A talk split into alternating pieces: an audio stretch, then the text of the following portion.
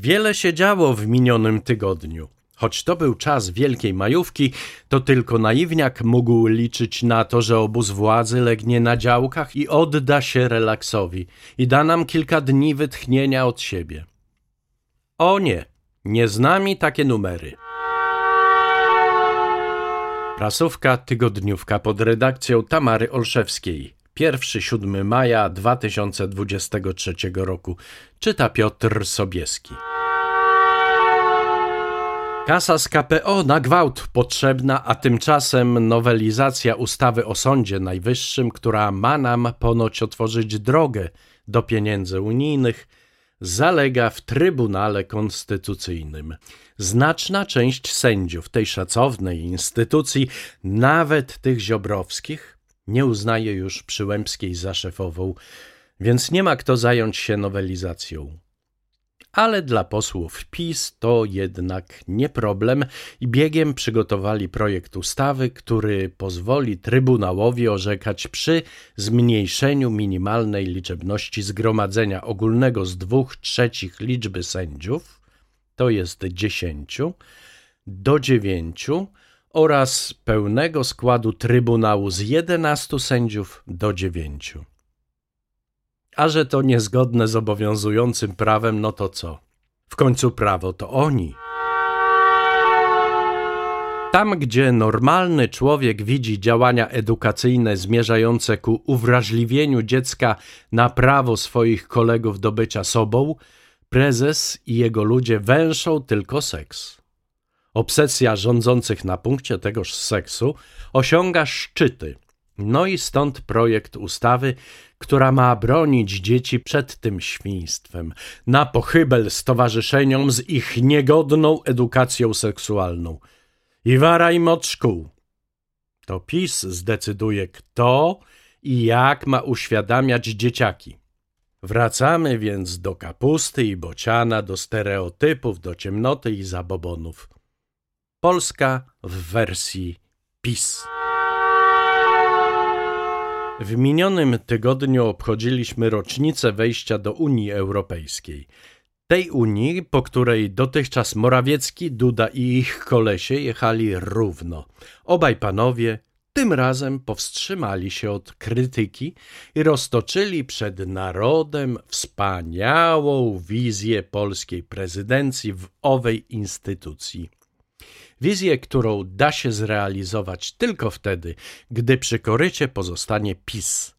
Priorytetem ma być zacieśnienie więzi euroatlantyckich, czyli wzmocnienie współpracy z USA i NATO, członkostwo Ukrainy i Mołdawii w Unii, odbudowa Ukrainy, transformacja energetyczna, ale tak, aby nie wykończyć kosztami społeczeństwa i rodziny.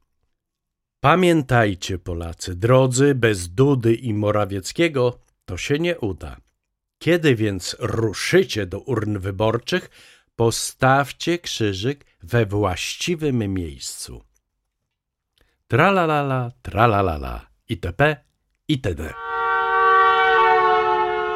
Rosja to samo zło i nasz nierząd wiedzie prym w tej retoryce, co zupełnie nie przeszkadza, byśmy byli największym w Europie importerem gazu płynnego z tego paskudnego kraju.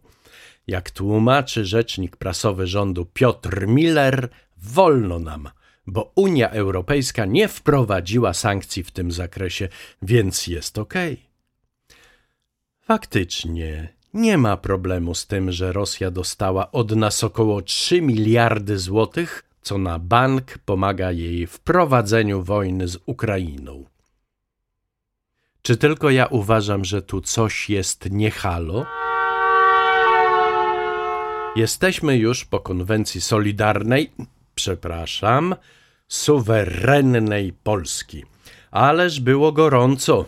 Utwierdzona zostałam w przekonaniu, że z każdej strony czyhają bestie, które chcą nas załatwić, zniszczyć, ubezwłasnowolnić, pozbawić ducha narodowego. Przez dwie godziny nieloty z partii Ziobry przekonywali, że Unia Europejska jest B, Niemcy są B, ideologie wiadomo jakie są B I tylko Kościół, Stany Zjednoczone i NATO są cacy. Konwencja miała też pokazać prezesowi, że bez partii Ziobry leży on i kwiczy, więc ma szanować koalicjanta i zadbać o jego dobry nastrój, pójść na ustępstwa i w ogóle uznać wyższość tejże. Ziobro może dyktować warunki, bo ma w sondażach aż 1% poparcia. Więc prezesie, wrzuć na luz i kochaj Ziobrę. Kochaj mimo wszystko. Morawiecki nie ukrywa radości na myśl, że w przyszłym parlamencie w ławach PiSu zasiądzie Paweł Kukiz. Ceni on Kukiza za, cytuję, jego niezależność, której dowodził nieraz. Sądzę, że jego współpraca ze Zjednoczoną Prawicą ogromnie ubogaci nasz szeroko rozumiany obóz patriotyczny. Koniec cytatu. Faktycznie, jeden drugiego wart. Jakże wkurzyły czarnka słowa profesor Barbary Engelking o rozczarowaniu Żydów postawą Polaków w czasie wojny. Tak się nie godzi, to zakłamywanie faktów, to niezrozumienie tego, co się działo, grzmiał minister Men i teraz postanowił pójść jeszcze dalej w obronie swojej prawdy historycznej. Zapowiedział więc, że nie będzie finansował na większą skalę instytutu, który utrzymuje tego rodzaju ludzi, którzy po prostu obrażają Polaków. Nie da grosika, nie ma co. Wrócił PRL. Wróciły czasy, gdy historię szatkowano i zniekształcano na całego, podporządkowywano ją polityce. Powiem krótko. Czarnek, gdyby głupota miała skrzydła, fruwałbyś facet jak gołębica. A to mi się gębusia rozchichotała na wieści płynące z Ministerstwa Obrony Narodowej. Otóż z resortu Błaszczaka rozesłano do jednostek wojskowych pismo, by uczcić obchody Narodowego Dnia Czytania Pisma Świętego. Wspólnym czytaniem tegoż w klubach wojskowych. Tak, kochani, to nie żart. Żołnierze mają nie marnować czasu na bzdury i wspólnie czytać Pismo Święte. Świetnie podsumował to jeden z żołnierzy, mówiąc, że Zaraz zrobią z nas seminarium duchowne. Ostatnio coraz częściej jesteśmy zmuszani do brania udziału w uroczystościach kościelnych, a szkolenia leżą. Pewnie jak przyjdzie co do czego, to wystarczy żołnierzowi Bogu Rodzica i owa Biblia w ręce, a wróg ucieknie.